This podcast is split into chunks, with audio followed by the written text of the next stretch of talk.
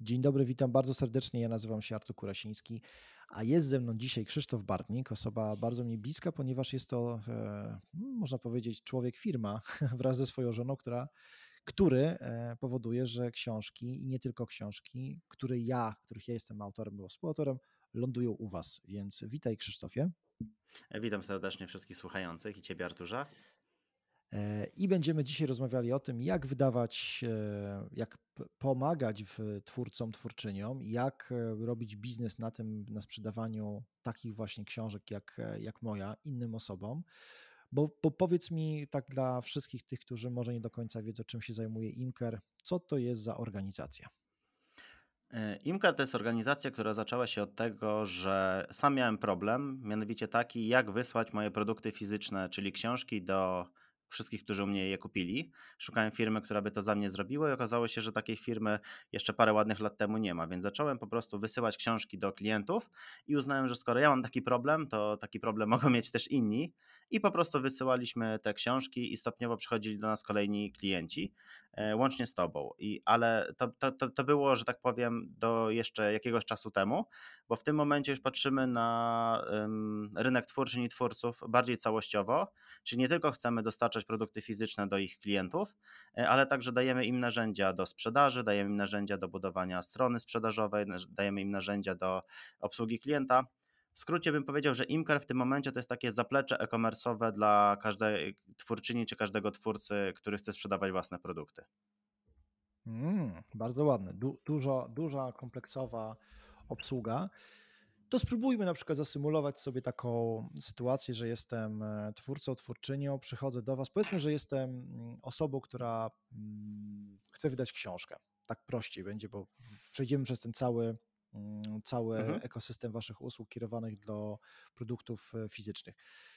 Dobra, wiem, że za 4 miesiące książka fizycznie zostanie wydrukowana. I co teraz, jaką byś ścieżkę zaproponował takiej osobie? E, to znaczy, najpierw jeszcze zastanowiłbym się z nią, e, jak ona chce ją sprzedawać i w jakiej formie. E, czy ma już na przykład jakieś upatrzone, ulubione ścieżki sprzedaży, które by tutaj widziała. Jeżeli ma, no to oczywiście konsultujemy, rozmawiamy o cenach, rozmawiamy o tym, że na przykład jak idziesz do mnie z książką, to nigdy w życiu nie sprzedawaj tylko książki, tylko mając książkę masz od razu 7 produktów, tak? Czyli masz książkę, masz e-book, masz audiobook i zestawy powyższych. Więc masz 7 produktów, które możesz zaoferować e, klientom, a nie jeden, czyli e, mhm. żeby klienci twoi mieli wybór na zasadzie nie, czy kupię, czy nie kupię twojej książki, ale e, który rodzaj, który produkt z całej twojej oferty kupić. Więc to jest pierwszy krok. Drugi krok, no to byłoby zbudowanie dla ciebie, myślę, landing page'a sprzedażowego, jeśli to jest twój pierwszy produkt, czyli strony, gdzie bardzo fajnie były, były wymienione korzyści dla kupującego z tego, jaki to jest produkt, o czym jest, jak wpłynie na jego życie. E, no i oczywiście mhm. możliwość zakupu. Kolejnym krokiem byłoby zrobienie koszyka sprzedażowego, e, gdzie e, kupujący ma do wyboru różne rodzaje płatności, formy dostawy, podaje swoje dane, czy chce fakturę, nie i tak dalej. No i koszyk sprzedażowy to tak brzmi ogólnie, ale na zapleczu tego koszyka sprzedażowego jest cały system e-commerce'owy, który pozwala ci analizować klientów, wysyłać do nich maile, ustawiać automatyzację, statusy i tak dalej. No po prostu cały zestaw narzędzi, których potrzebujesz do sprzedaży. I y, jeszcze trzecim krokiem, jeszcze przed wysyłką byłoby to, że y, zrobilibyśmy ci obsługę klienta na zasadzie takiej, gdzie, y, gdzie jak to jest preorder, to ludzie by pytali, gdzie jest moja książka, bo nie zauważyli, że data premiery jest na przykład dopiero za dwa miesiące. Po takie mhm. zapytanie jak właśnie, gdzie jest moja książka, jak już faktycznie wyślemy paczkę, na przykład jakiś kurier ma jakieś problemy i wtedy te, te kwestie trzeba rozwiązywać. No i na końcu jest wysyłka fizyczna produktu. Wybierasz sobie listę przewoźników, których oferujemy, których chcesz mieć u siebie, ustalamy stawki, wysyłamy, jeszcze wybierasz jeszcze po drodze sposób pakowania, opakowania prezentowego, słowem wszystko na co możesz wpaść y, w tej drodze od momentu, kiedy chcesz, żeby ten klient u Ciebie kupił, do momentu, kiedy trzyma książkę w rękach, to jesteśmy w stanie w Imkarze tak fajnie zagospodarować, jeżeli chodzi o książki.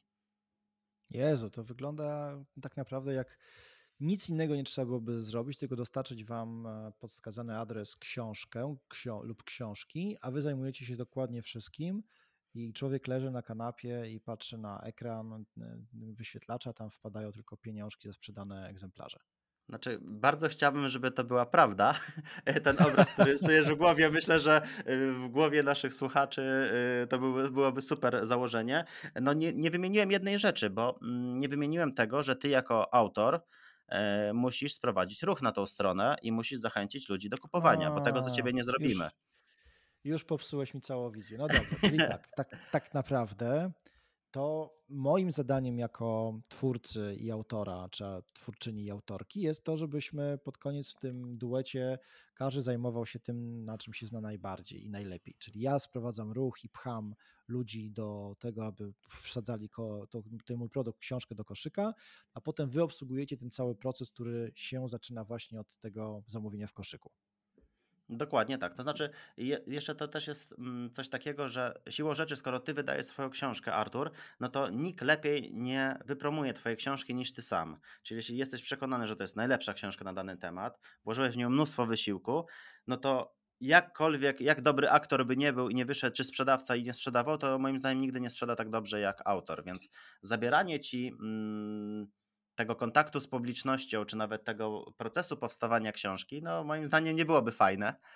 A gdy już musisz przejść do tych rzeczy fizycznych, czyli właśnie, y, nie wiem, przyjeżdża trzy palety książki i coś z tym trzeba zrobić. Mieszkam na piętrze lub mam małą piwnicę, no nie ogarniesz tego w mieszkaniu, prawda? E, znaczy możesz mhm. próbować, nie? Są tacy, co próbują i jak najbardziej, e, ja też byłem, e, byłem osobą, która pierwszy sklep internetowy realizowała z mieszkania u moich rodziców, gdzie zająłem cały korytarz, no ale to był sklep na poziomie tam kilkunastu zamówień dziennie, więc tam nie było, jeszcze się na korytarzu mieściłem powiedzmy. No i magazynu też nie było, bo robiłem dostawy mm, just in time, czyli jak ktoś złożył dopiero mnie zamówienie, to ja zamawiałem w hurtowni i tak dalej, i tak dalej. W przypadku książki już jakoś trzeba się magazynować. Na szczęście e, są teraz możliwości takie, że też nie musisz tego druku robić nie wiadomo ile, tylko robisz faktycznie sprzedaż, kierujesz tam ruch, widzisz na przykład, że sprzedało się 252 egzemplarze, możesz zamówić w drukarni 252 egzemplarze, mogą przylecieć do nas, my wyślemy do klientów i, że tak powiem, stan magazynowy jest na zero. I da się to zrobić już teraz. Okej, okay, a to może jednak jest, albo może myślicie też o tym, żeby e, dać tym twórcom, twórczyniom, którzy nie mają tak naprawdę takiego dużego e, zaplecza społeczności, którą, którą zbudowali, albo mają mało tą społeczność, żeby na przykład też pomóc im w tej promocji. Myśleliście coś o tym? Bo to chyba jest częsty taki problem, który, który się pojawia. Znaczy, myślimy o tym bardzo dużo i załatwiamy te kwestie na ten moment głównie edukacją i tym, że tłumaczeniem ludziom, że to twoja baza danych, czyli twoja społeczność, to twoje, twoje, najwię twoje największe aktywo w tym wszystkim. Mm, ale to są Artur dwa podejścia, nie? Bo pierwsze podejście jest takie, że mam dużą społeczność i czy tam mam społeczność, robię produkt, a drugie podejście może być takie, że mam e, produkt i dopiero do, dookoła produktu buduję społeczność. Więc wiesz, mhm. to można różnie do tego podejść. To nie jest tak, że e, ta tradycyjna ścieżka społeczność, produkt, kupujący, tylko może właśnie produkt i wciąganie ludzi, nie wiem, nawet sam proces powstawania tego produktu. Więc odpowiadając na pytanie, jak najbardziej myślimy, e, żeby mm, dać jakieś narzędzia do promocji, przy czym moim ulubionym narzędziem, i to już robimy też dla naszych klientów, jest po prostu budowanie newslettera, i my pomagamy klientom, wiesz, w skonfigurowaniu narzędzia, które używają. Możemy skonfigurować e, jedno, drugie, trzecie narzędzie. Możemy mhm. ustawić te formularze zapisu na stronie, wymyślić jakiś wspólnie lead magnet, czyli jakiś bonus za zapis, który e, człowiek e, dostaje, więc to też już robimy. Mm, no ale znów, no nie opowiemy o Twoim produkcie z taką pasją i zaangażowaniem. Wiesz, możemy zrobić jakieś schematy, nie? które widzimy, że działały u kogoś, możemy spróbować zastosować u Ciebie, ale to też nie jest powiedziane, że mm, każdą książkę da się marketować czy promować w ten sam sposób. To jest, wiesz, tutaj ścieżek jest e, bardzo dużo, bardzo, e, bardzo różnych. No i też siłą e, tego, znaczy autorów, którzy są u nas, jest to, że to jest duża różnorodność. Generalnie to jest tak, hmm. że większość to poradniki, ale nie tylko, bo wiesz, jest beletrystyka, mm, mamy też, y, no, nie tylko mówiąc o książkach, ale też mamy, wiesz, produkty w stylu odzieży, mamy zabawki, no różnego rodzaju asortymenty. Mm, ja self-publishing postrzegam trochę tak bardziej szerzej, chociaż to jest nasza główna koncentracja, czyli takie własne produkty, nie? Czyli jestem e, bezpośrednim producentem i sprzedawcą. E, no w książkach to widać najlepiej. Okej, okay, no właśnie padło to magiczne słowo tak mi się wydaje po raz pierwszy, czyli self-publishing. Pewnie wylano już e, wiele łez na temat współpracy z dużymi podmiotami. Michał Szafrański, jeżeli dobrze interpretuję rzeczywistość, był chyba jedną z pierwszych osób, które tak bardzo mocno pokazały, że w sensie pisał o tym, edukował, e, jasno formułował, dlaczego swoje zdania, dlaczego nie chce pracować z dużymi podmiotami. Pokazywał to na liczbach, że to po prostu jest nieopłacalne, szczególnie w jego wypadku, kiedy on może poprosić swoją społeczność o, o, zakup jego produktów. E, jak wygląda to z Twojej perspektywy? No bo, bo czy self-publishing to jest taka moda, która nadeszła i to się utrzymuje na tym samym poziomie, czy widzisz, że po prostu to jest już pewien trend, który z roku na rok coraz rośnie, coraz bardziej rośnie? Y, niedawno wpadły mi y, przed oczy statystyki dość ciekawe odnośnie self-publishingu i, i branży książek. Branża książek, choć jest bardzo tam dużą branżą światową, rośnie w tempie 1% rocznie, a gdy wydzielisz z tego mhm. wszystkiego segment self-publishingu, no to self-publishing rośnie w tempie 16-17% rocznie. E, czyli trochę tak jakby wiesz, patrząc na rynek e, sprzedaży detalicznej i na e-commerce. E, choć teraz oczywiście zwolnił po, po pandemii i tak dalej, to dalej jest tym rynkiem, który no, najjaśniej wśród całej sprzedaży moim zdaniem świeci na całym świecie.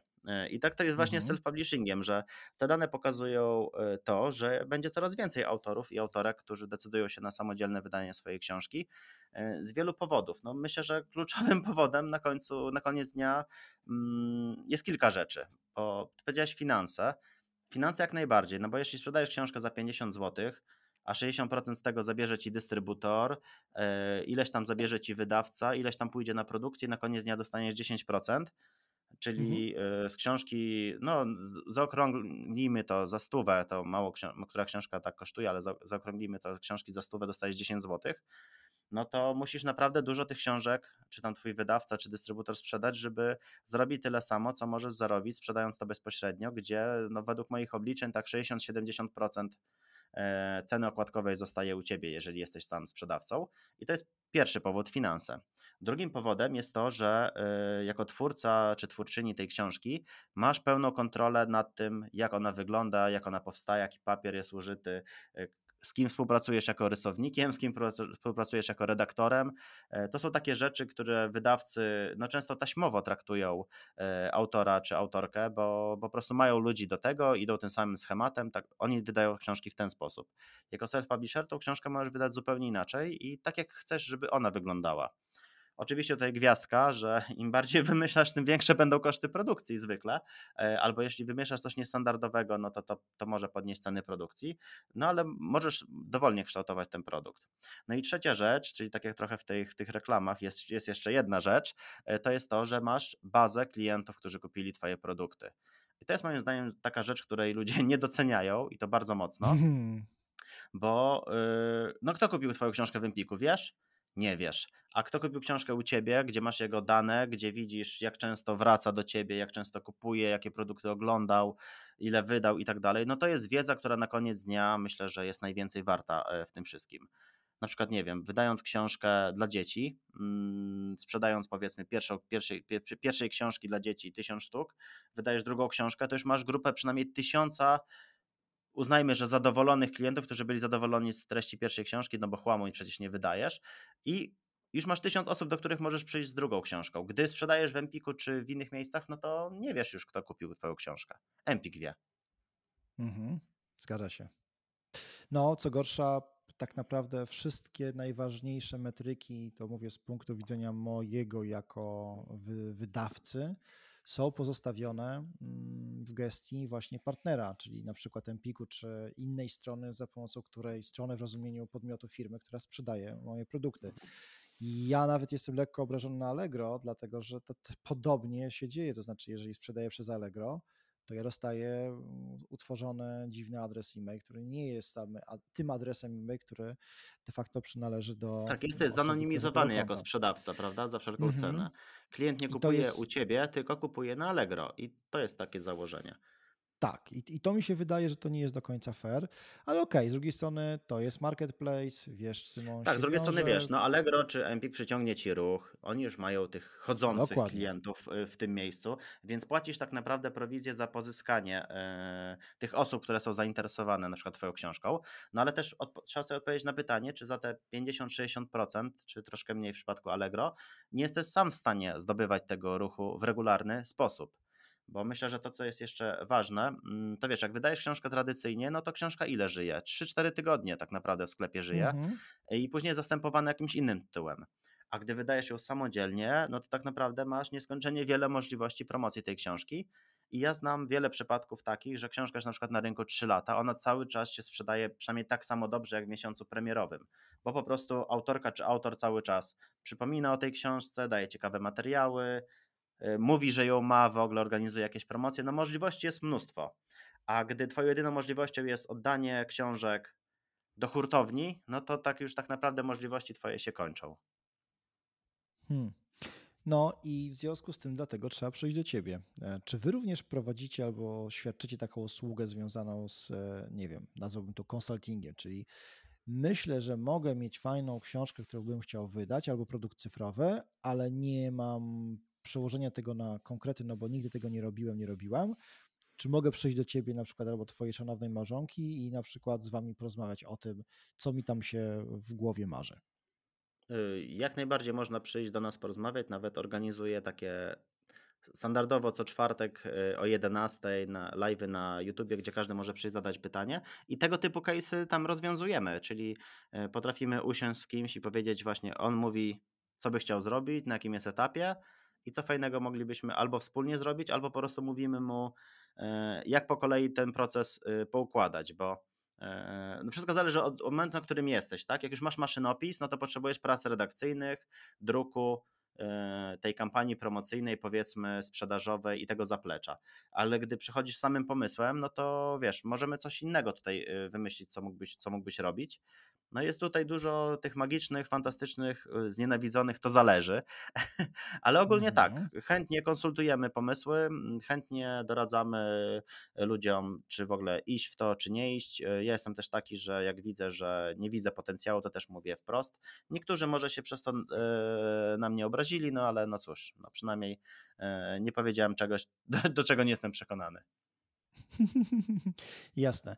Dobrze, to, to takie też może przy okazji e, poprosiłbym no, o odpowiedź na wieczne pytanie, odwieczne pytanie, e, czy lepiej sprzedawać jest produkty cyfrowe, czy jednak te fizyczne, analogowe, takie, które wiesz, trzeba wysłać pocztą, trzeba za nie zapłacić i tak dalej. Wydawałoby się tak na zdrowy chłopski rozum, że lepiej jest naprodukować bambilion e-booków, webinarów, bo to przecież tyle waży, co powierzchnia serwerowa.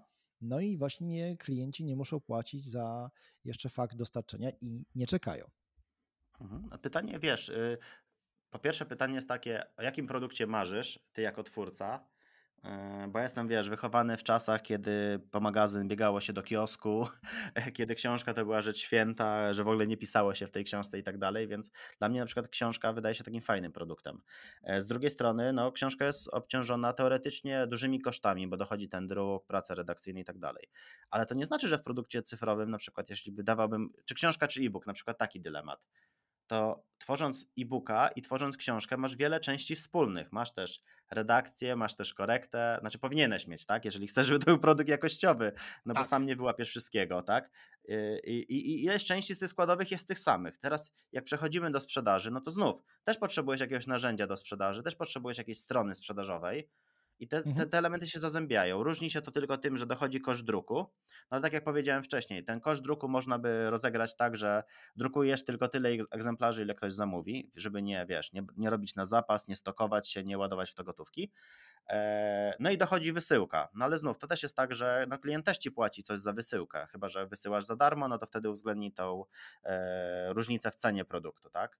Więc odwieczne Mhm. pytanie, czy gdybym ja miał wybierać, od, y, jaki produkt robić, to bym musiał się zastanowić dla kogo, bo na przykład wiesz, jak kierujesz produkt do osób starszych, no to nie zrobisz im produktu cyfrowego, tak? E, Takich, które no przy komputerze to niezbyt dużo e, siedzą czy, czy, czy spędzają czasu. Gdy, gdy masz w głowie na przykład szkolenie, no to teoretycznie myślisz sobie, no kurs internetowy, wideo do oglądania i tak dalej. I to jest super, ale zawsze jest taki aspekt fizyczności moim zdaniem w czymkolwiek robisz, że na przykład jak robię szkolenie, no to fajnie by było dostać materiały w formie e, drukowanej. Ja takie mam poczucie. Jak robię, Mhm. e, jak robię mm, w ogóle taka właśnie fizyczna forma e, to jest coś ciekawego, co myślę, że mało osób to wykorzystuje. Nawet jak robisz czyjś kurs, nie wiem, masz na końcu wygenerow- opcję wygenerowania certyfikatu, ale czy niewiele fajnie byłoby taki certyfikat wydrukowany dostać pocztą wtedy? E, No Wiesz, że przychodzi do tak, ciebie coś takiego, wiesz, jak Allegro kiedyś robiło, super sprzedawcy, nie wiem, czy pamiętasz te czasy, e, Pewnie. że przysyłali taki właśnie fajny, taką ramkę z napisem, że jesteś super sprzedawcą i tak dalej. Więc tak, ta, yy, robisz kurs na przykład jakiś taki dłuższy, semestralny, kilka miesięcy i tak dalej, to na przykład czemu nie wysłać y, y, kubka, wiesz, firmowego, segregatora do kompletacji materiałów. No możesz wymyślać z tymi produktami, e, też z tym elementem fizyczności w swoich produktach. Więc nie Mhm. znam uniwersalnej odpowiedzi na to pytanie.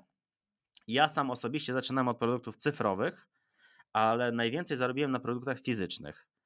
Czyli jak wydawałem pierwsze e-booki w, e- w, w świecie e-commerce, chyba to był 2011 rok, gdzie w ogóle odczytywanie e-booka e, e, było e, tylko możliwe na komputerze, nie tak jak na telefonie teraz, czy, czy, czy w ogóle w innych aplikacjach. Zaczynałem od e-booków, to one się sprzedawały tak 50, 100, maksymalnie 500 sztuk.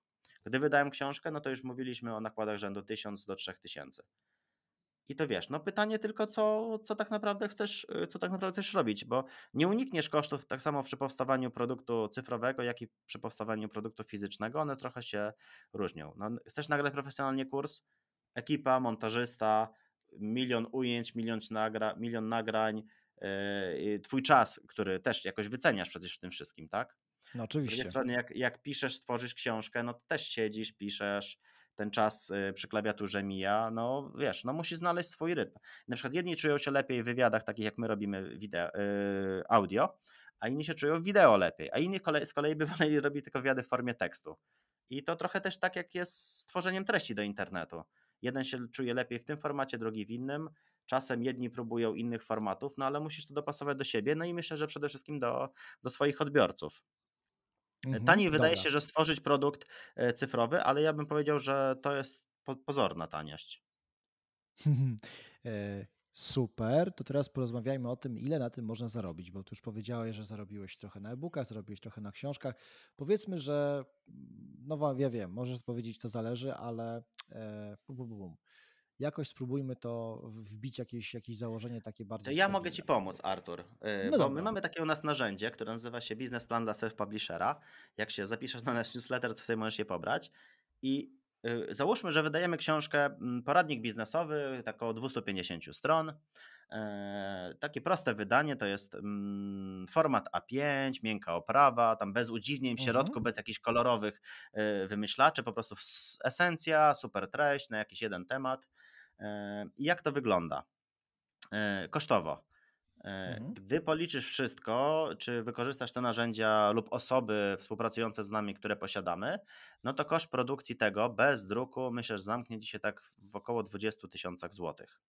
Czyli mówimy tu o Mhm. pracach redakcyjnych, mówimy tu o składzie, mówimy tu o y, korektach, redakcjach i tak dalej, i tak dalej. Tym, tym wszystkim, projekcie okładki y, i tak dalej.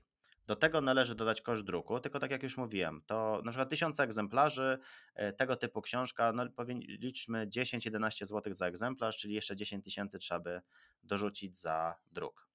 I teraz w zależności od tego, jaką, jaki pricing na to y, przyłożysz, jaką cenę za, y, zechcesz brać za swój produkt, no to, to, to już zależy, kiedy wyjdziesz na zero, tak? Czyli te pierwsze koszty, kiedy zostaną zwrócone. Gdy to będzie poradnik biznesowy około 409 zł cena sprzedaży, to moje obliczenia pokazują, że przy około 470 sztukach sprzedanych wychodzisz na zero. Mhm. A później, a później zaczynasz już zarabiać tak konkretnie na każdym egzemplarzu, bo już te koszty początkowe są spłacone, a im wyższy nakład, tym te koszty je- jednostkowe są mniejsze per egzemplarz. Czyli tak bym to widział, nie? Czyli y, gdzieś ta granica, tą granicę można by przesunąć na niżej, mm, na przykład robiąc jakoś mniejszą treść, sprytniejszą korektę, robią coś we własnym zakresie i tak dalej, i tak dalej, no ale statystycznie około tych 400 sztuk lądujesz, jeżeli chodzi o sprzedaż. Tyle potrzebujesz, żeby wyjść na zero z projektem, a wszystko powyżej to już zarabiasz. I teraz wiesz, no, przyłóżmy do tego statystyki mm, z całego rynku, tak?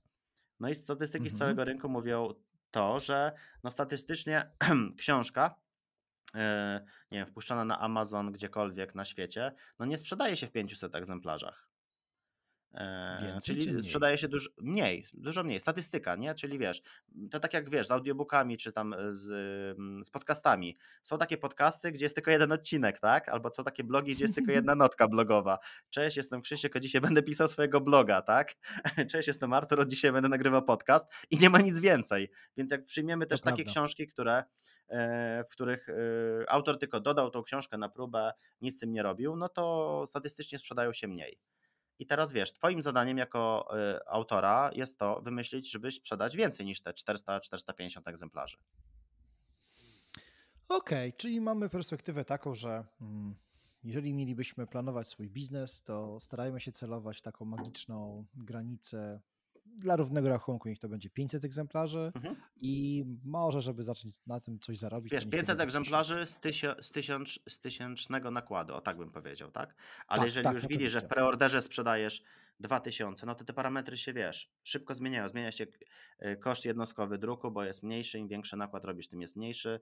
Y, te koszty rozkładają się na większą liczbę egzemplarzy i tak dalej, i tak dalej. Więc to tak, przy, jeżeli przy założeniu, że robisz 1000 sztuk, to te 500 musisz sprzedać, żeby wyjść na zero ze swoim E, pomysłem.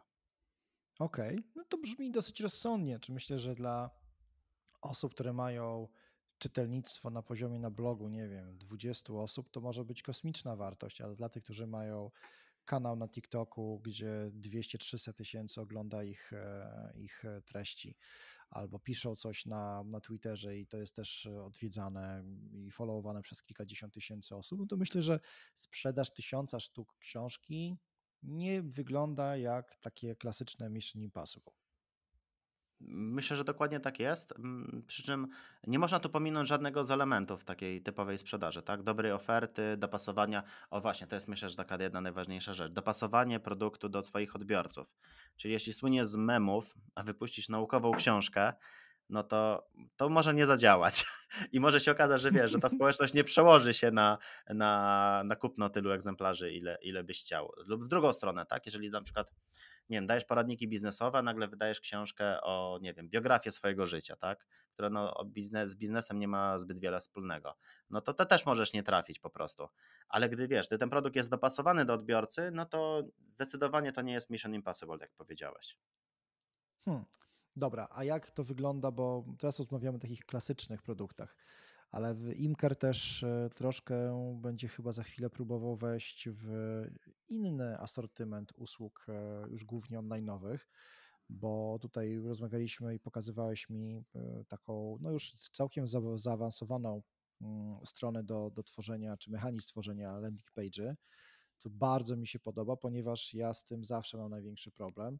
Umówmy się, że y, może tworzenie treści nie jest dla mnie problemem, ale jak mam stworzyć dobrą stronę, która ma konwertować i mieć do, naprawdę wykręcać dobre wyniki, no to tutaj lekko załamuję ręce, bo albo to zrobię ja na bazie, wystawiam palec ślinie i mówię, mmm, mi się wydaje, albo mhm. zatrudnię do tego bardzo dużej klasy specjalistów, którzy pobiorą ode mnie ogromne pieniądze, ale to może być tak, że te pieniądze nie pokryją mi kosztów. Nawet jeżeli to będą całkiem rozsądne stawki, to mi to nie pokryje e, kosztów sprzedaży e, i na pewno nie wyjdę na, na, na prosto, jeśli chodzi właśnie o, o, moje, o moje finanse. Znaczy wiesz, ta, ta granica ci się przesunie na 700 sztuk, tak? Więc e, mhm. to już, to już to trochę ta, ta, granica się, ta granica się przesuwa po prostu. Okej. Okay.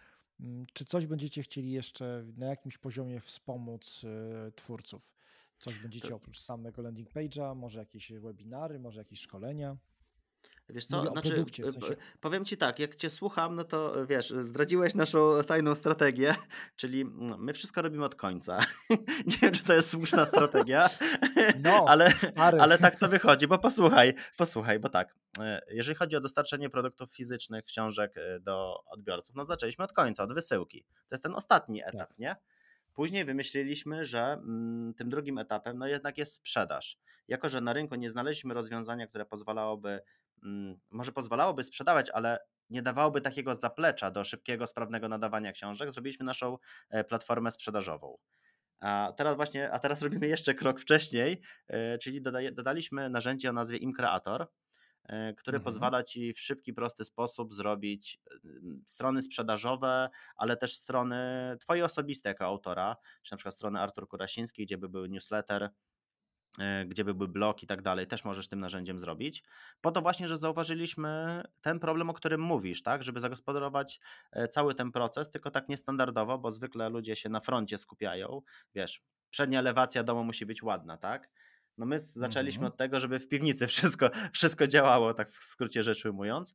I, i, no i ten kreator stron powstał tak, że no wzięliśmy to, co znaliśmy i wiedzieliśmy to, to, to, to, co działa przede wszystkim u autorek i autorów, którzy sprzedają u nas książki i najlepsze elementy z tych wszystkich yy, stron zebraliśmy w jedno miejsce, połączyliśmy i wiesz, możesz teraz sobie kilkoma kliknięciami stworzyć landing, gdzie jest, wiesz, twoje ładne zdjęcie, yy, nagłówek, przyciski zakupowe, no wszystko jest takie, jak powinno być. Przy czym, wiesz, to nie jest indywidualny projekt, tak? Opieramy się tutaj na jakimś szablonie, ale moim zdaniem 90% y, potrzeb y, twórczyni czy twórcy internetowego i to niezależnie od tego, jaki produkt sprzedaje, właśnie tym narzędziem możesz zaopiekować, więc to jest fajne.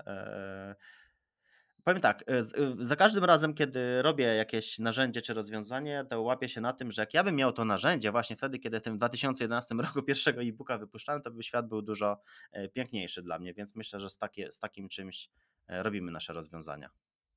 Mhm. Ekstra, dobrze. Czyli zostanę objęty tak naprawdę parasolem e, fajnych usług, e, zaopiekujecie się mną, moją, moją twórczością.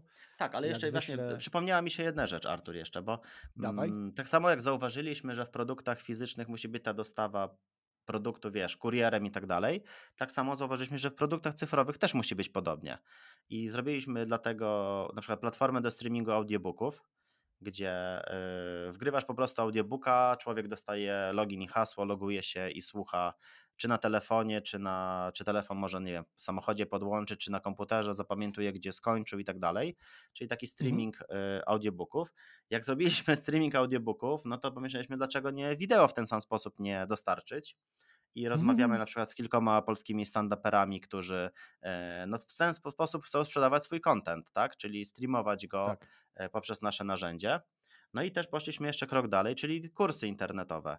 I tutaj znów, wiesz, no, dużo można rozmawiać o różnych platformach kursowych, no ale gdy sprzedajesz kurs, czy tam gdy człowiek przerabia kurs, no to potrzebuje kilku rzeczy. Potrzebuje e, lekcji, potrzebuje sekcji, potrzebuje wideo, potrzebuje opisu i plików do pobrania. No i jak to zauważyliśmy, to po prostu postanowiliśmy też zrobić naszą e, platformę kursową, czyli niezależnie od tego, wiesz, czy ten produkt fizyczny czy cyfrowy chciałbyś sprzedawać i, wymyśliłbyś na swojej ścieżce, że chcesz sprzedawać, no to my mamy narzędzia do dostarczenia tego produktu do klienta. O, myślę, że to jest taka, mhm. taka klamra, jeżeli chodzi o, o, o ten nasz e, asortyment obecny. Hmm, super. To teraz porozmawiajmy na drugą nóżkę o tym, o waszym biznesie, ale pod kątem właśnie biznesowym, bo e, tak, tak, tak pogadaliśmy chwilę przed, że powiedziałeś, że nie ma z tym problemu, żeby o tym pogadać. To powiedz mi, mhm. e, takie śledztwo, dziennikarstwo KRS-owe, jak to się ładnie określa. Co mhm. tam, ile, ile, ile Imker na chwilę obecną ma przychodu i jeżeli możesz troszkę bardziej powiedzieć, jak on się dzieli, no nie wiem, czy jesteś w stanie coś powiedzieć o zysku, ale tak mniej więcej może coś zasugerować, tak, że to jest e, suma. To, co mogę, to, co mogę powiedzieć, znaczy z przyjemnością, z przyjemnością na te tematy rozmawiam. Uważam, że im więcej e, transparentności w tej branży, tym fajniej. My w tym roku, czyli w 2023, celujemy, żeby Imker miał 14 milionów przychodów e, za cały rok. Mhm. Robimy to głównie tak, że no sprzedajemy nasze usługi, jak najwięcej osób e, zachęcamy do tego, żeby skorzystali z naszych usług i to już dzielimy, po prostu to mówię o wszystkich przychodach, tak, czy z e, wysyłek, czy z produktów cyfrowych i tak dalej. Przy czym produkty cyfrowe, czyli to dostarczenie produktu cyfrowego do odbiorcy, to jest u nas świeży temat, dopiero bym powiedział się z tym rozkręcamy, no i plany są znacznie większe. Od zaplecza, no to jesteśmy w tym momencie w siedmiu lokalizacjach, w tym z biurem ponad 60 osób pracuje u nas na stałe, no i też masa współpracowników czy firm współpracujących e, na zapleczu. No wyniki w, KRS-u, w KRS-ie to myślę, że można zobaczyć, aczkolwiek jeszcze nie mam, bo jesteśmy też świeżo po przekształceniu w spółkę, bo ja przez 2006 no, wiele lat prowadziłem działalność, którą przekształciłem dopiero po tylu latach w spółkę. Dopiero jak ten Imker już e, doszedł do takiego, do, doszedł do poziomu 10 milionów przychodów, więc e, takie liczby mogę podać. Jasne. Czyli e, wcześniej była JDG, jak rozumiem, tak? tak? Teraz jest przekształcenie w spółkę SA czy, czy SPZO? Nie, jesteśmy spółką ZO. Wybraliśmy spółkę ZO. Okay. E, znaczy wiesz, spółki ZO w SA zawsze można się przekształcić, e, to nie jest problem, a spółka ZO wystarczyła, bo szukaliśmy e, partnera do naszego biznesu i w zeszłym roku udało właśnie nam się pozyskać takiego partnera Pawła Fornalskiego, który zresztą też którego znam wiele lat, myślę, że ty też, yy, i który no, zrobił, zrobił yy, tak, yy, iDusel, tak, obecnie iDusel, kiedyś IAI, a kiedyś jeszcze IAI System yy, za moich czasów, kiedy ja robiłem pierwsze sklepy internetowe, to właśnie z, z, tego rozwiązania korzystałem, więc Paweł zobaczył, że robimy coś fajnego, no i po prostu wszedł do nas jako E, wspólnik udziałowiec i teraz, e, no powiem tak, e, jeżeli szukasz kapitału, taka dobra rada dla wszystkich, jeżeli szukasz kapitału, to nie szukaj tylko kapitału, bo miejsc, skąd można pozyskać pieniądze jest dużo, ale szukaj też osoby, która da ci coś więcej niż ten kapitał. I to jest myślę coś takiego fajnego w Pawle, co nam się sprawdza, nie? Czyli wiesz, jedna rozmowa z kimś doświadczonym, może twój biznes posunąć o kilka miesięcy czy kilka tygodni nawet do przodu. No i to jest coś takiego, co myślę jest niedoceniane u nas w sensie takim, że yy, wiesz, no inwestor jest traktowany jako dostawca pieniędzy, nie? A tak. pieniądze tak. to nie wszystko, jak się okazuje. Czyli smart money polecasz. Tak, jest zdecydowanie. Ja myślę, że to jest chyba najlepsza decyzja, jaką mogliśmy podjąć i która e, no, tyle, tyle procesów naraz przyspieszyła, przez co wiesz, y, z jednej strony super, a z drugiej strony mnóstwo projektów do ogarnięcia i tematów. E, no ale jeżeli się w tym odnajdujesz, no to w ten sposób można, można działać. I też taka wskazówka też dla początkujących, znaczy początkujących, w ogóle robiących biznes, tak? Że wiesz, my szukaliśmy inwestora dopiero właśnie przy tym poziomie 10 milionów przychodów. E, mhm. A są tacy, co szukają inwestora na podstawie kartki A4, tak? I well. Tak, no, znaczy wiesz, każdy ma, swój, każdy ma swój sposób, tak? E, ale chodzi o to, że na innych warunkach i innych ludzi przyciągniesz, jak już masz działający biznes, e, którzy cię w tym wesprą, a innych, jeżeli masz tą dosłownie kartkę papieru, prawda, w tym wszystkim. Absolutnie. No myślę, że mm, sugerowalibyśmy szczególnie po tych zmianach na rynku które, które zaszły, czyli raczej podwyższenie oczekiwań ze strony VC, a nawet przebąkuje się, że czasami nawet y, mówi się wprost, żeby startup był rentowny żeby jednak przyjść wtedy, kiedy macie te 10 milionów, a nie szukać e, ludzi, którzy. No powiedzmy te 3-5, tak? 3-5. Tak. 3-5 tak. myślę, że już by było tak całkiem sensownie. Ale też wiesz, można wtedy inaczej popatrzeć na biznes. Ale to też jest tak, jak wiesz, tak jak z wieloma e, poradami, które często, e, wiesz, łatwo da komuś poradę, a trudniej samemu zauważyć u siebie, tak? Coś takiego jest. Absolutnie. I na przykład jak, wiesz, jak już ktoś ma działający biznes, mm, wiesz, już z całym procesem ułożonym i tak dalej, i na przykład zatrudni jakąś agencję, która mu zacznie robić TikToka przykładowo, no to jeśli już ma tak. działający proces i agencja zacznie mu przyciągać nowy ruch, no to super, to wpłynie na jego biznes rewelacyjnie. No ale jeśli ten człowiek nie ma ułożonego procesu, e, w ogóle nie ma, wiesz, tych fundamentów zrobionych i zatrudni tą agencję do TikToka, no to może i ruch przyciągnie, no ale to nie przełoży się na żadne konwersje, więc na tym etapie, gdzie wyciąganie procentów, no to musisz mieć fundamenty, tak? E, musisz mieć jakieś fundamenty zrobione i myślę, że e, no my w Imkarze bardzo dużo nacisku kładliśmy na to, żeby te fundamenty były zrobione. Mhm. A jak patrzysz na polski e-commerce, którego jesteś częścią i to dosyć dużo już, to patrzysz z nadzieją na ten rok i na następny, czy tak z lekką obawą? E, bardzo dobre pytanie. Znaczy, ja, ja cały czas jestem entuzjastą. Nawet pamiętam taki, taką konsultację kiedyś, którą robiłem do takiej dużej firmy dystrybucyjnej, że co pan sprzedaje, mnie zapytali. Ja mówię, że ja sprzedaję e-commerce po, to, żeby, e, po to, żeby e, ten rynek rósł, bo uważam, że w tym jest przyszłość. Oczywiście, że są obawy, bo wiesz, skoro taki gracz jak Amazon przeinwestował w magazyny, zatrudnienie i inne rzeczy, no to wiesz, no to siłą rzeczy ty jako mniejsza firma, no też masz prawo popełnić taki, taki błąd. Mm, na koniec dnia myślę, że wygrywa jakość w tym wszystkim, czyli jakość produktu, jakość Twojej relacji z klientem. to, to, to wygra, tak? Więc no, pytanie, kto ma jaką, jaki plan na przetrwanie tego wszystkiego, no i pytanie, czy nie przeinwestował w e-commerce zbyt mocno, co niedawny przykład tego mm, sklepu z odzieżą, wyleciała mi nazwa. Mm, ale jest taki sklep z odzieżą. Y, no. Tak, tak. Jest taki, jest taki marka, która właśnie y, teraz bankrutuje, czy jest objęta jakimś tam programem, bo przeinwestowali w sklep internetowy. Nie wiem, czy słyszałeś. Y, Boże, wyleciała mi nazwa z głowy. O sklepie, który sprzedawał odzież dla katoliczek. O tym mówisz? Nie, nie. Mówię o tym zagranicznym. Boże, nie wiem, jak to się wymawia. Pick and Kloppenburg. Nie wiem, czy kojarzysz. Okej, okay, dobrze. Jasne, był, to było nawet y, salony, w sensie sklepy w galeriach handlowych.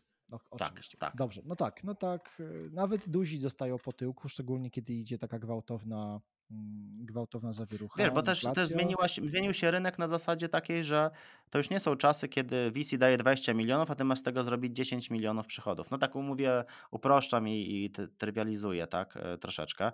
No ale no tak to wyglądało. Nie wiem, jak obserwowałeś niektóre e, projekty, no to tak to wyglądało, że ze 100 milionów robili 50, nie?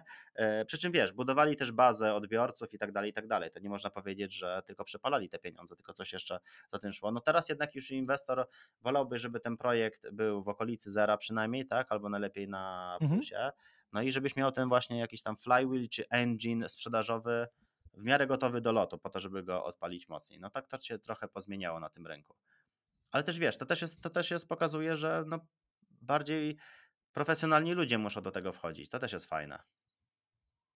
Tak, i tu się wydaje, że mm, po prostu być może to jest taka zmiana hmm, fundamentalna, ale e, ja bym to nazwał, że to po prostu jest, rynek się zmienił. To nie tylko kwestia inflacji czy wojny w Ukrainie, ale to, że zmieniliśmy swoje nastawienia i przede wszystkim oczekiwania.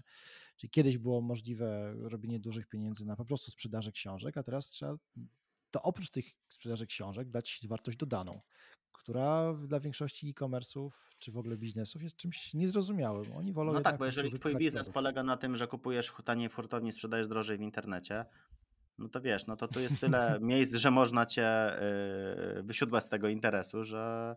A jeżeli wiesz, jeżeli budujesz od początku i w ogóle wstawiasz na swoje produkty. Wiesz, ja nie wiem, od, chyba od zawsze, od chyba naszego, naszej pierwszej rozmowy mówiłem, że rób swoje produkty, rób swoje produkty. Nawet jak masz e-commerce, nie wiem, sprzedajesz akcesoria dla małych dzieci, to rób swój jakiś produkt, żebyś miał jakiś produkt unikalny. No to ludzie tak mhm. patrzyli na mnie, bo łatwiej było kupić z hurtowni i sprzedawać, tak? A gdyby wiesz, gdyby robili te swoje produkty, własne, marki własne, no to ty jesteś monopolistą wtedy, tak? Ty, ty dyktujesz warunki, ty dyktujesz cenę, ty dyktujesz jak wygląda ten produkt, więc no to jest takie zupełnie inne, inne podejście do tego wszystkiego. Ach, mamy sytuację, w której dużo się zmienia rzeczy, e, rzesze ludzi, którzy chcą zarabiać, bo mają na przykład zasięgi, no i e, teraz tylko trzeba ten idealny produkt dostarczyć. Czy ty masz jakiegoś nosa albo powiedziałbyś, podpowiedziałbyś jakieś wskazówki dla ludzi, którzy szukają właśnie swojego takiego produktu, który mogą sprzedawać w postaci fizycznej albo cyfrowej. Y, y, znaczy, ja bym zaczął od tego, mm, znaczy, wiesz, brzmi tak ogólnie, ale no do tego się to sprowadza, czyli zidentyfikowania swojego klienta i przede wszystkim niszy, w której działasz. Czyli jeśli twoją mhm. niszą jest e, na przykład, nie wiem, mm, robisz wywiady, tak? E, I chciałbyś uczyć ludzi o robieniu wywiadów, no to zacząłbym od tego, że zebrałbym kilka osób zainteresowanych robieniem wywiadów tak jak ja i po prostu z nimi, tak na zasadzie trochę konsultingu, trochę wsparcia takiej grupy, wiesz, samopomocy, coś takiego, wspólnie robił z nimi e, ćwiczenia, jakieś zadania, żeby zrobić z nimi, e, no przejść tą ścieżkę, tak, którą ty przeszedłeś i w której masz już no tak. wiedzę. Na drugim etapie, jak już przeszedłem z tymi kilkoma osobami, albo bym znowu zebrał nową grupę i przeszedł z nimi od nowa, tylko lepiej, nauczony doświadczeniem z tej pierwszej grupy, albo zamieniłbym to w kurs cyfrowy na przykład, tak? Czyli już nagrałbym lekcję, to jest proces powtarzalny, mogę to sprzedawać. Mm, a żeby wesprzeć to wszystko, to bym dołożył do tego jeszcze książkę fizyczną, tak? Czyli e, albo to by był jakiś workbook do, mm, do kursu, Albo byłaby to mhm. książka, która wiesz, jakoś by w innej formie przedstawiała te same informacje lub skupiała się na czymś innym, tak? No ale powiązane wszystko tematycznie, więc od tego bym zaczął, tak bym widział taką ścieżkę e, początkową. To też działa w drugą stronę, tak? Czyli mógłbym zacząć od mm, od książki, a dopiero później zrobić kurs. Więc w tę stronę też to jest możliwe. No pytanie, w czym się lepiej, w czym się lepiej czujesz? No ale jednak jak chcesz budować mm, społeczność dookoła siebie, no to zaczynasz od małych kroczków, tak? I też myślę, że to jest, Artur, wiesz, to jest mega niedoceniana rzecz, że na przykład ktoś mówi, ja mam tylko tysiąc odbiorców newslettera a tamten ma, wiesz, 100 tysięcy zasięgu, 500 tysięcy zasięgów i tak dalej. Tysiąc osób, jak sobie yy, dość łatwo można wyobrazić, no to jest duża hala sportowa. Tak jakby tysiąc mhm. osób to jest, wiesz, to jest mnóstwo ludzi, którzy przyszli tak naprawdę na twój newsletter, czy na treści, które ty przekazujesz i, i tak bym zaczął na, patrzeć na to, yy, tak bym zaczął patrzeć na to, yy, na to zjawisko, tak? Nawet 50 osób, Artur, to jest duża sala szkoleniowa, taka naprawdę mhm. duża. 15 e, osób to już jest taka mniejsza sala szkoleniowa, ale to dalej jest, wiesz, ale to dalej są osoby skoncentrowane na tobie, na twoich treściach i tak dalej, a nie mm, setki tysięcy wyświetleń, których tak naprawdę nie wiesz kto, nie wiesz gdzie i w ogóle na nic nie wpływa. Więc wiesz, to trzeba jakoś tak wyważyć wszystko. To prawda, to znaczy czasami porównywanie się do tych największych na rynku jest kompletnie bez sensu. Wypacza, nie dość, że wypacza, to jeszcze powoduje, że my wpadamy w kompleksy, chociaż możemy mieć bardziej wartościową grupę odbiorców, lepszą relację z nimi, bo to jest prawo rynku, no, jeżeli, i prawo dużych liczb. Jeżeli masz milion odbiorców, użytkowników, e, inaczej followersów, to na pewno tam masz dużą grupę, która po prostu nawet nie wie, kim jesteś, bo przyszła skuszona jakimś jednym twoim postem albo, albo wpisem czy filmikiem. A jak masz takich właśnie tysiąc osób, które, czy, czy kilkaset, to są hardkorowi fani, którzy wiedzą o tobie wszystko, ty właściwie znasz ich po z imienia i, no, i oni pójdą za tobą w ogień. Więc też absolutnie to jestem wyznawcą tej zasady, że Wystarczy ci czasami nawet i stu dobrze takich e, przekonanych, skonwertowanych wyznawców, którzy będą kupowali twoje produkty. Tak, no bo jeśli masz 100, zaczęła... 100 odbiorców i kupują od ciebie produkty za 1000 zł rocznie, no to już masz no. biznes 100 tysięcy złotych rocznie przychodów. I tak. teraz wiesz, no, czy to pozwala ci się utrzymać na takim poziomie, jakim chcesz? Jeżeli pozwala ci, to super biznes. Jeżeli nie, to może potrzebujesz tylko 200 takich osób, rozumiesz?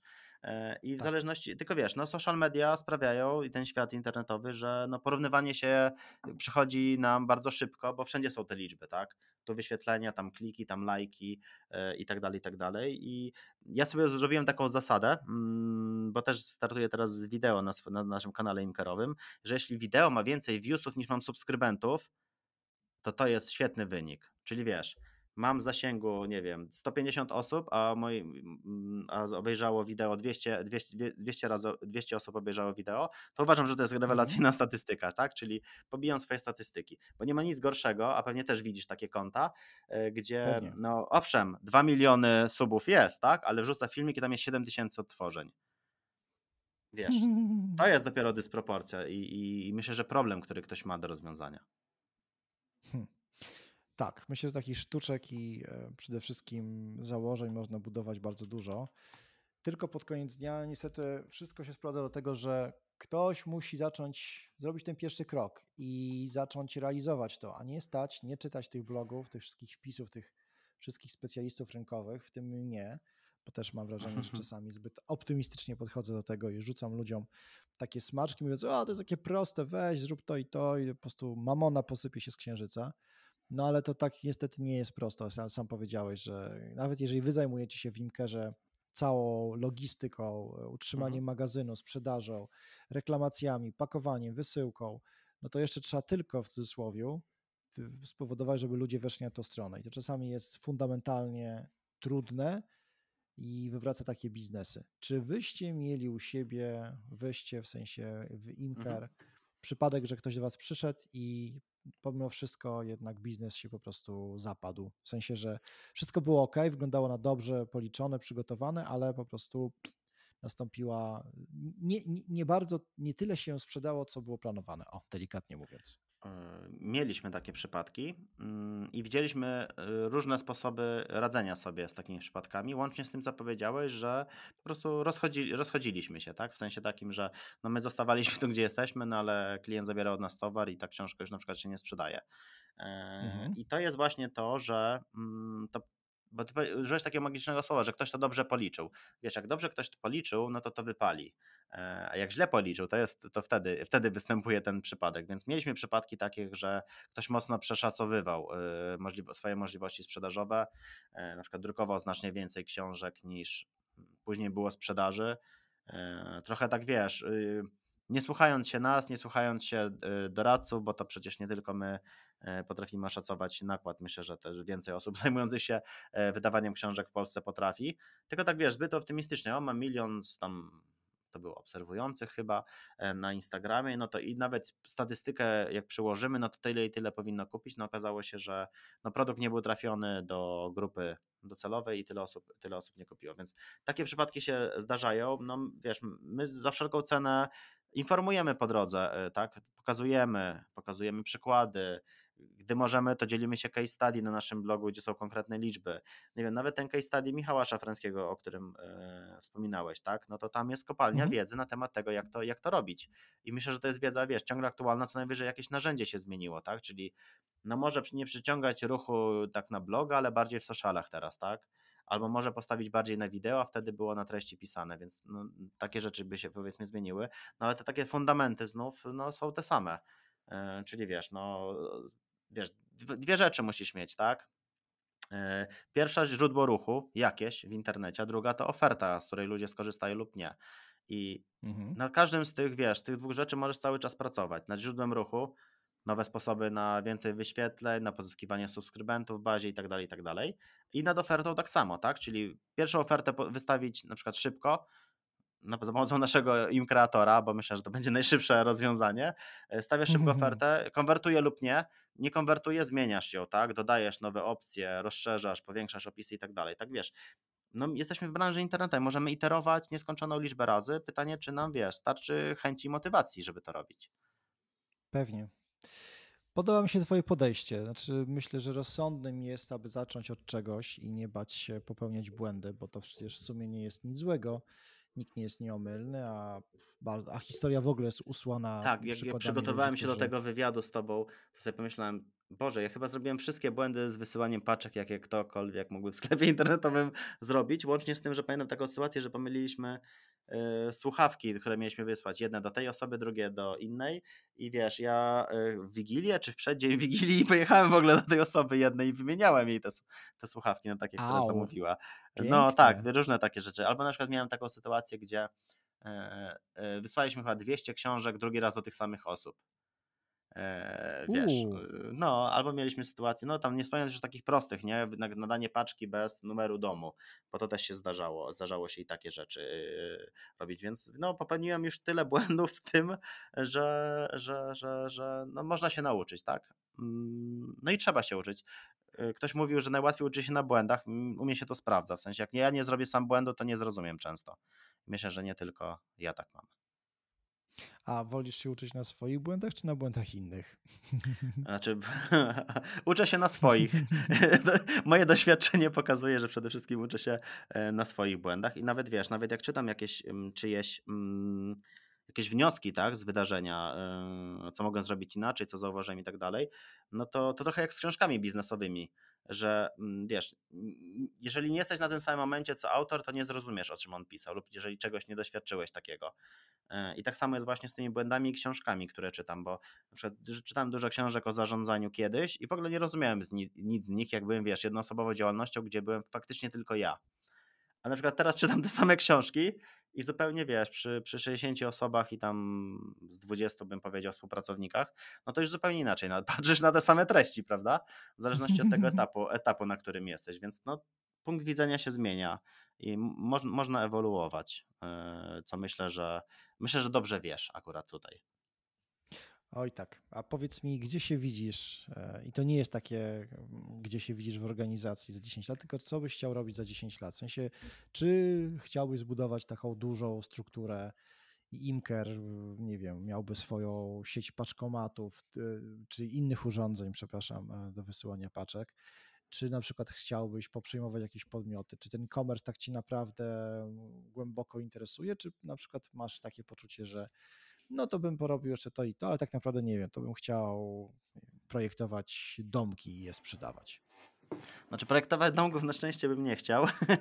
E, wiesz co, znaczy ja myślę, że bym, ja myślę, że chcę mm, jeszcze więcej móc problemów e, osób, autorek czy autorów, którzy do nas przychodzą, móc rozwiązać, tak? Bo ty mówisz o tym problemie promocji, tak? I mi Mhm. się tutaj, wiesz, już od jakiegoś czasu y, świeci jakaś taka lampka, że tu też jest obszar do, jakiś obszar do zagospodarowania, tak? Więc ja myślę, że widzę siebie na pewno w branży o nazwie rozwiązywanie problemów naszych klientów. Em, Jest taka scena bardzo fajna w jednym z filmów, y, Thank You for Smoking. Na samym końcu, Tak, nie wiem czy oglądałeś y, ten, ten, ten, ten film, gdzie właśnie oczywiście. e, przychodzą właściciele czy tam prezesi firm z jakimś problemem, opowiadają o tym problemie, a ten człowiek jednym zdaniem rozwiązuje e, ich wszystkie wątpliwości, tak rozwiewa ich wszystkie wątpliwości, oni oddychają z ulgą. No i, za te kilka lat chciałbym właśnie być takim człowiekiem, że jak wymyślisz, że chcesz coś sprzedawać w internecie własnego produktu, no to jak przyjdziesz do mnie, to właśnie oddychasz z ulgą. Myślę, że to jest takie dobre porównanie, które bym tutaj użył. Mm, super, słuchaj, tego ci życzę i myślę, że wszystko wskazuje na to, że, e, że będziecie ty i twoja małżonka szli w tym właśnie kierunku. Czyli tak, ten rok e, zaczął się bardzo dobrze, poprzedni, e, bo inwestycja była w którym? W tym, czy jeszcze E, w W 2022? 2022, w 2022 pod sam koniec, Okej, 22. czyli poprzedni rok Tak, ten rok skończył się zaczął się dobrze, dobrze. bo też nie było, nie było tego tąpnięcia związanego z wojną, tak? Bo jednak e-commerce na chwilę y, zatrzymał się. Zresztą nikt nie wiedział, co się wydarzy, i tak właśnie było dziwnie. Rzuciliśmy się na pomoc i słusznie. E, No ale wiesz, przez to był jakiś tam taki okres niepewności. Trochę jak z pandemią, tak? Na początku. Później tak. pandemia pokazała, że e-commerce rozwija się rewelacyjnie. Moim zdaniem, y, no ten czas powojenny już nie pokazał, że e-commerce tak w takim tempie się rozwija jak e, czasy właśnie z, po pandemii, tak? Mhm. E, No i ale ten rok jest, ten rok jest, zaczął nam się lepiej niż, niż zeszły. I to myślę, że jest bardzo dobre podsumowanie tego, że po prostu trzeba czasami mieć dobre nastawienie. Nad pewnymi rzeczami nie zapanujemy, nie mamy nad nimi władzy, więc trzeba się dać troszkę pounosić na powierzchni jak liść na wozie.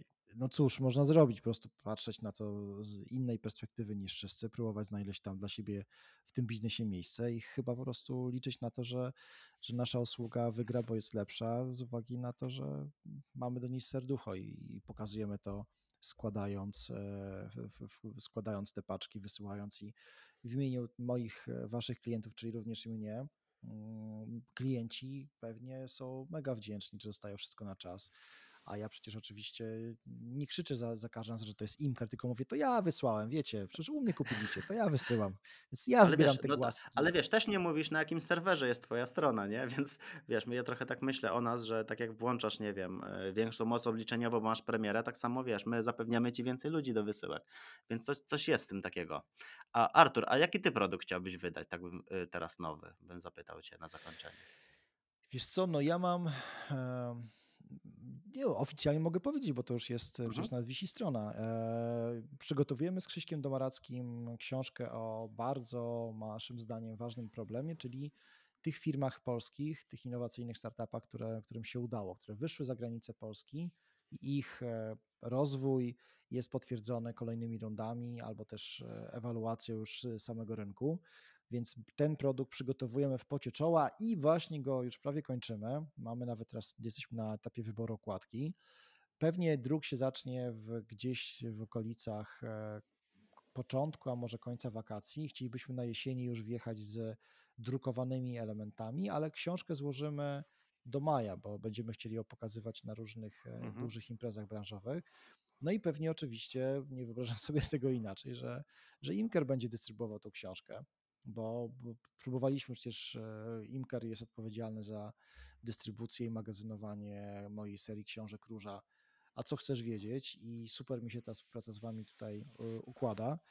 Próbowaliśmy robić, ja próbowałem robić e, z wykorzystaniem Waszego mechanizmu płatne podcasty, i tu mam Mhm. wrażenie, że to nie jest jeszcze, znaczy inaczej. Gdybym to nazwał jakoś inaczej, kurs, szkolenie, to może Mhm. chyba byłaby z tego większa sprzedaż. A ponieważ nazwałem to, że to jest płatny podcast, to Mhm. W ogóle te kilka lat temu nie, nie rozumieli, dlaczego by mieli płacić za coś, co jest potencjalnie do odbioru w internecie za, za darmo. Tak, bo jakbyś nazwał to Marzy mi się, lekcje, lekcje biznesu, nie? Nam 12 lekcji prawda? biznesu. To by Tak jest. mogło, tak. Ale to wiesz, to trochę też jest tak, że ym, ja to widzę, nie wiem, czy ty też się ze mną zgodzisz, że kurs się staje No, takim słowem y, zakazanym, że jak jest kurs, no to oj to tak. nie, nie, to badziewie, lepiej to nazwać jakoś inaczej, tak? Na właśnie w zasadzie system czegoś tam, tak? Albo no jakoś taką fajną nazwę, workbook jakiś, tak, na przykład. Albo Mhm. właśnie le- Dobre, e, dobre. 12 lekcji o biznesie, tak, na przykład. To też można by, e, można by e, fajnie tutaj e, połączyć, więc e, jest coś takiego, że mm, jak, jak opakujesz swój produkt teraz, tak, to chodzimy do, do czegoś takiego, że musimy w jakiejś atrakcyjniejszej formie niż po prostu mówiąc, że to jest kurs. Tak, i żeby ludzi może nie tyle co zachęcić, co nie wystraszyć, bo ja mam wrażenie, że często gęsto jak się wpada w taką kategorię, że coś się wymyśla innowacyjnego, to się właśnie ludzi odstrasza. Tak samo miałem troszkę z płatnymi newsletterami, ale na szczęście to już dzięki y, koleżankom i kolegom z branży zaczyna być też trochę już mainstreamem, że się płaci za dostęp do, do tego Mhm. typu rzeczy. Ale wiesz co, marzy mi się jeszcze, bo tego nie próbowałem. Nie zrobiłem nigdy właśnie takiego klasycznego kursu slash czegoś, co byłoby naprawdę fajną wartością, tylko oczywiście pod kątem wideo, bo to jest chyba na, dla mnie najprostsza Mhm. forma. No podcasty to jest, nagrywam to, robię, nie widzę problemu, ale wyzwaniem byłoby naprawdę na- na- nagranie takiego dobrego kilkunastogodzinnego kursu, który by dawał odpowiedzi na fundamentalne pytania i przede wszystkim przekazywał wiedzę. Chyba mm, jakoś nie marzy mi się szybko zrobienie mm, e-booka takiego, wiesz, na zasadzie, że nie wydaję książki, tylko od razu myślę o tym, żeby to był e-book. Jakoś nie wierzę. W moim wypadku ja jednak jestem sam konsumentem książek e, analogowych i wolałbym też takie produkty kupować, nawet jeżeli wiem, że je po przeczytaniu oddaję albo, albo po prostu gdzieś je jakoś inaczej utylizuję, czy zostawiam w jakichś hotelach. Także chyba, chyba to jest to, taki kurs wideo napędzany, wiesz, fajnym UX-em, platformą, która mi pozwoli po prostu nie zastanawiać się, czy też nie myśleć o tym, że to, e, że tu coś może się schrzanić, tylko po prostu wrzucam to, to sobie wisi, rzucam tylko komuś linka i tak dalej.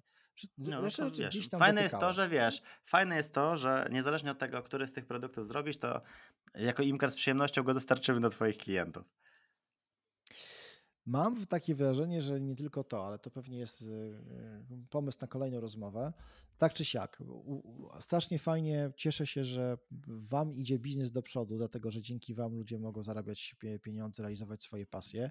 Więc to też zawsze jest miło, że nie zarabiacie tylko i wyłącznie jako ten pośrednik, właśnie, który kupuje w hurtowni tanie, a sprzedaje drożej w sklepie, tylko dokładacie mega dużą wartość, która, która po prostu czasami ma fundamentalną, e, robi fundamentalną różnicę. No i tyle. No i życzę Ci, Twojej małżonce, żebyście im bardzo długo jeszcze siedzieli w tym e-commerce i budowali go i sprzeda sprzedawali go, bo to myślę, że jest wa- wartościowe, żeby tak, tacy ludzie jak Wy e, właśnie tutaj byli na e, szefami i e, pchaczami tego typu biznesów. Dzięki Artur za te miłe słowa i bardzo dziękuję za rozmowę. No i tym optymistycznym akcentem dziękuję wszystkim bardzo serdecznie. To była Technofobia, której bohaterem i rozmówcą dzisiaj był Krzysztof Bartnik z firmy Imker. Jak chcecie zajrzeć i zobaczyć, co Krzysztof robi, to wbijajcie na imker.pl. Ja się nazywam Artur Kurasiński i zapraszam do wysłuchania również innych moich podcastów. Na razie, cześć.